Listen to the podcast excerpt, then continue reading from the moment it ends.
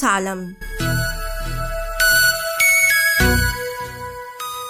معي أنا سليمة لوبال.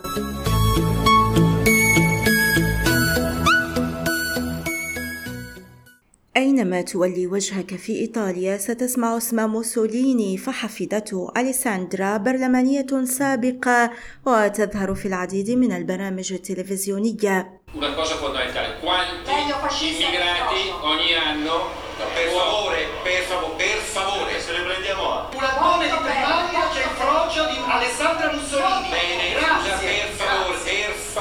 وحفيدته الأخرى رشال أصبحت المستشارة البلدية الأكثر شهرة في روما وأما حفيده كايو جوليو تشيسي فهو ناشط سياسي وابن حفيده رومانو يلعب في نادي لاتسيو.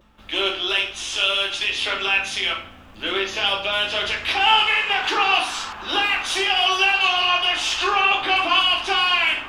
يثير الاستخدام غير المقيد لاسم موسوليني في إيطاليا نقاشات لا تتوقف في وسائل الإعلام ولدى عامة الناس كما يشير بحسب المؤرخ فرانشيسكو فيليبي إلى حاجة إيطاليا إلى عمل كبير على مستوى الذاكرة الجماعية.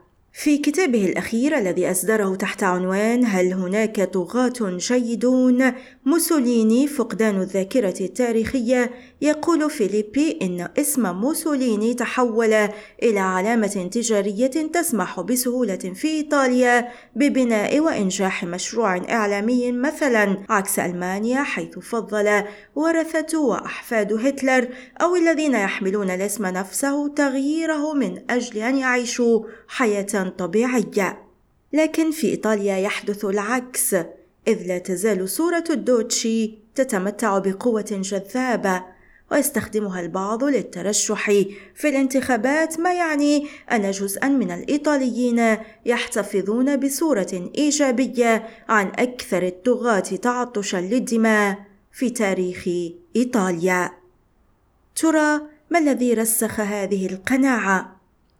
يعترف المؤرخ الإيطالي فرانشيسكو فيليبي بوجود ذاكرة تاريخية متذبذبة في إيطاليا بسبب عدم إدانة النظام الفاشي بشكل واضح ومباشر واستمرار المؤسسات على حالها منذ نهاية الحرب العالمية الثانية وحتى ولادة الجمهورية. هذه الاستمرارية في صمت هي من منع ملايين الإيطاليين من مواجهة ماضيهم والتساؤل عن من انخرط في النظام الفاشي في بلادهم طيلة عشرين عاماً.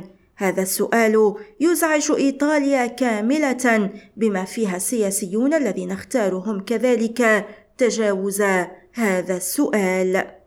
يعاني الإيطاليون اليوم من آلام عدة بسبب ما خلفته الفاشية أولها الاعتقاد السائد بأن الديمقراطية ليست نظاما قويا لحكم البلاد. ففي عام 1922 سعت الدعاية الفاشية إلى وأد الليبرالية لمصلحة الأمن فيما رسخ موسوليني فكرة أن الديكتاتورية تحل المشاكل بشكل أكثر فعالية من الديمقراطية. واليوم يرى الكثير من الإيطاليين أن المشاكل يمكن أن تحل بفضل الرجل القوي خاصة خلال الأزمات. نجح النظام الفاشي في إيطاليا في تجميد المجتمع والاقتصاد طيلة عشرين عاما واليوم تدفع الكثير من الفئات ثمن ذلك أبرزها النساء والأقليات من دون أن ننسى تلك الهوة التي فصلت إيطاليا عن بقية الأمم الأوروبية فالفاشية سعت إلى إبعاد النساء بأي طريقة عن أماكن العمل وفرضت على الشركات التي توظفهن عقوبات بهدف رفع نسبة المواليد وتعزيز دور النساء في البيوت. وإلى غاية عام 1960 كانت الإيطاليات ممنوعات من دخول سلك القضاء اعتقادا بأنهن يفتقدن الأهلية العقلية لإصدار أحكام قضائية.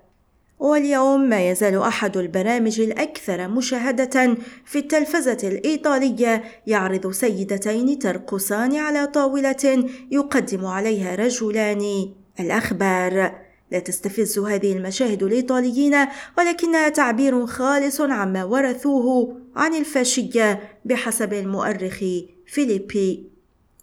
يعتقد الإيطاليون أيضا أن الدوتشي منحهم معاش التقاعد وأنه من وضع أسس النظام الصحي ومن ابتكر الجامعة رغم أن أقدم جامعة في العالم توجد في منطقة بولونيا شمالي البلاد.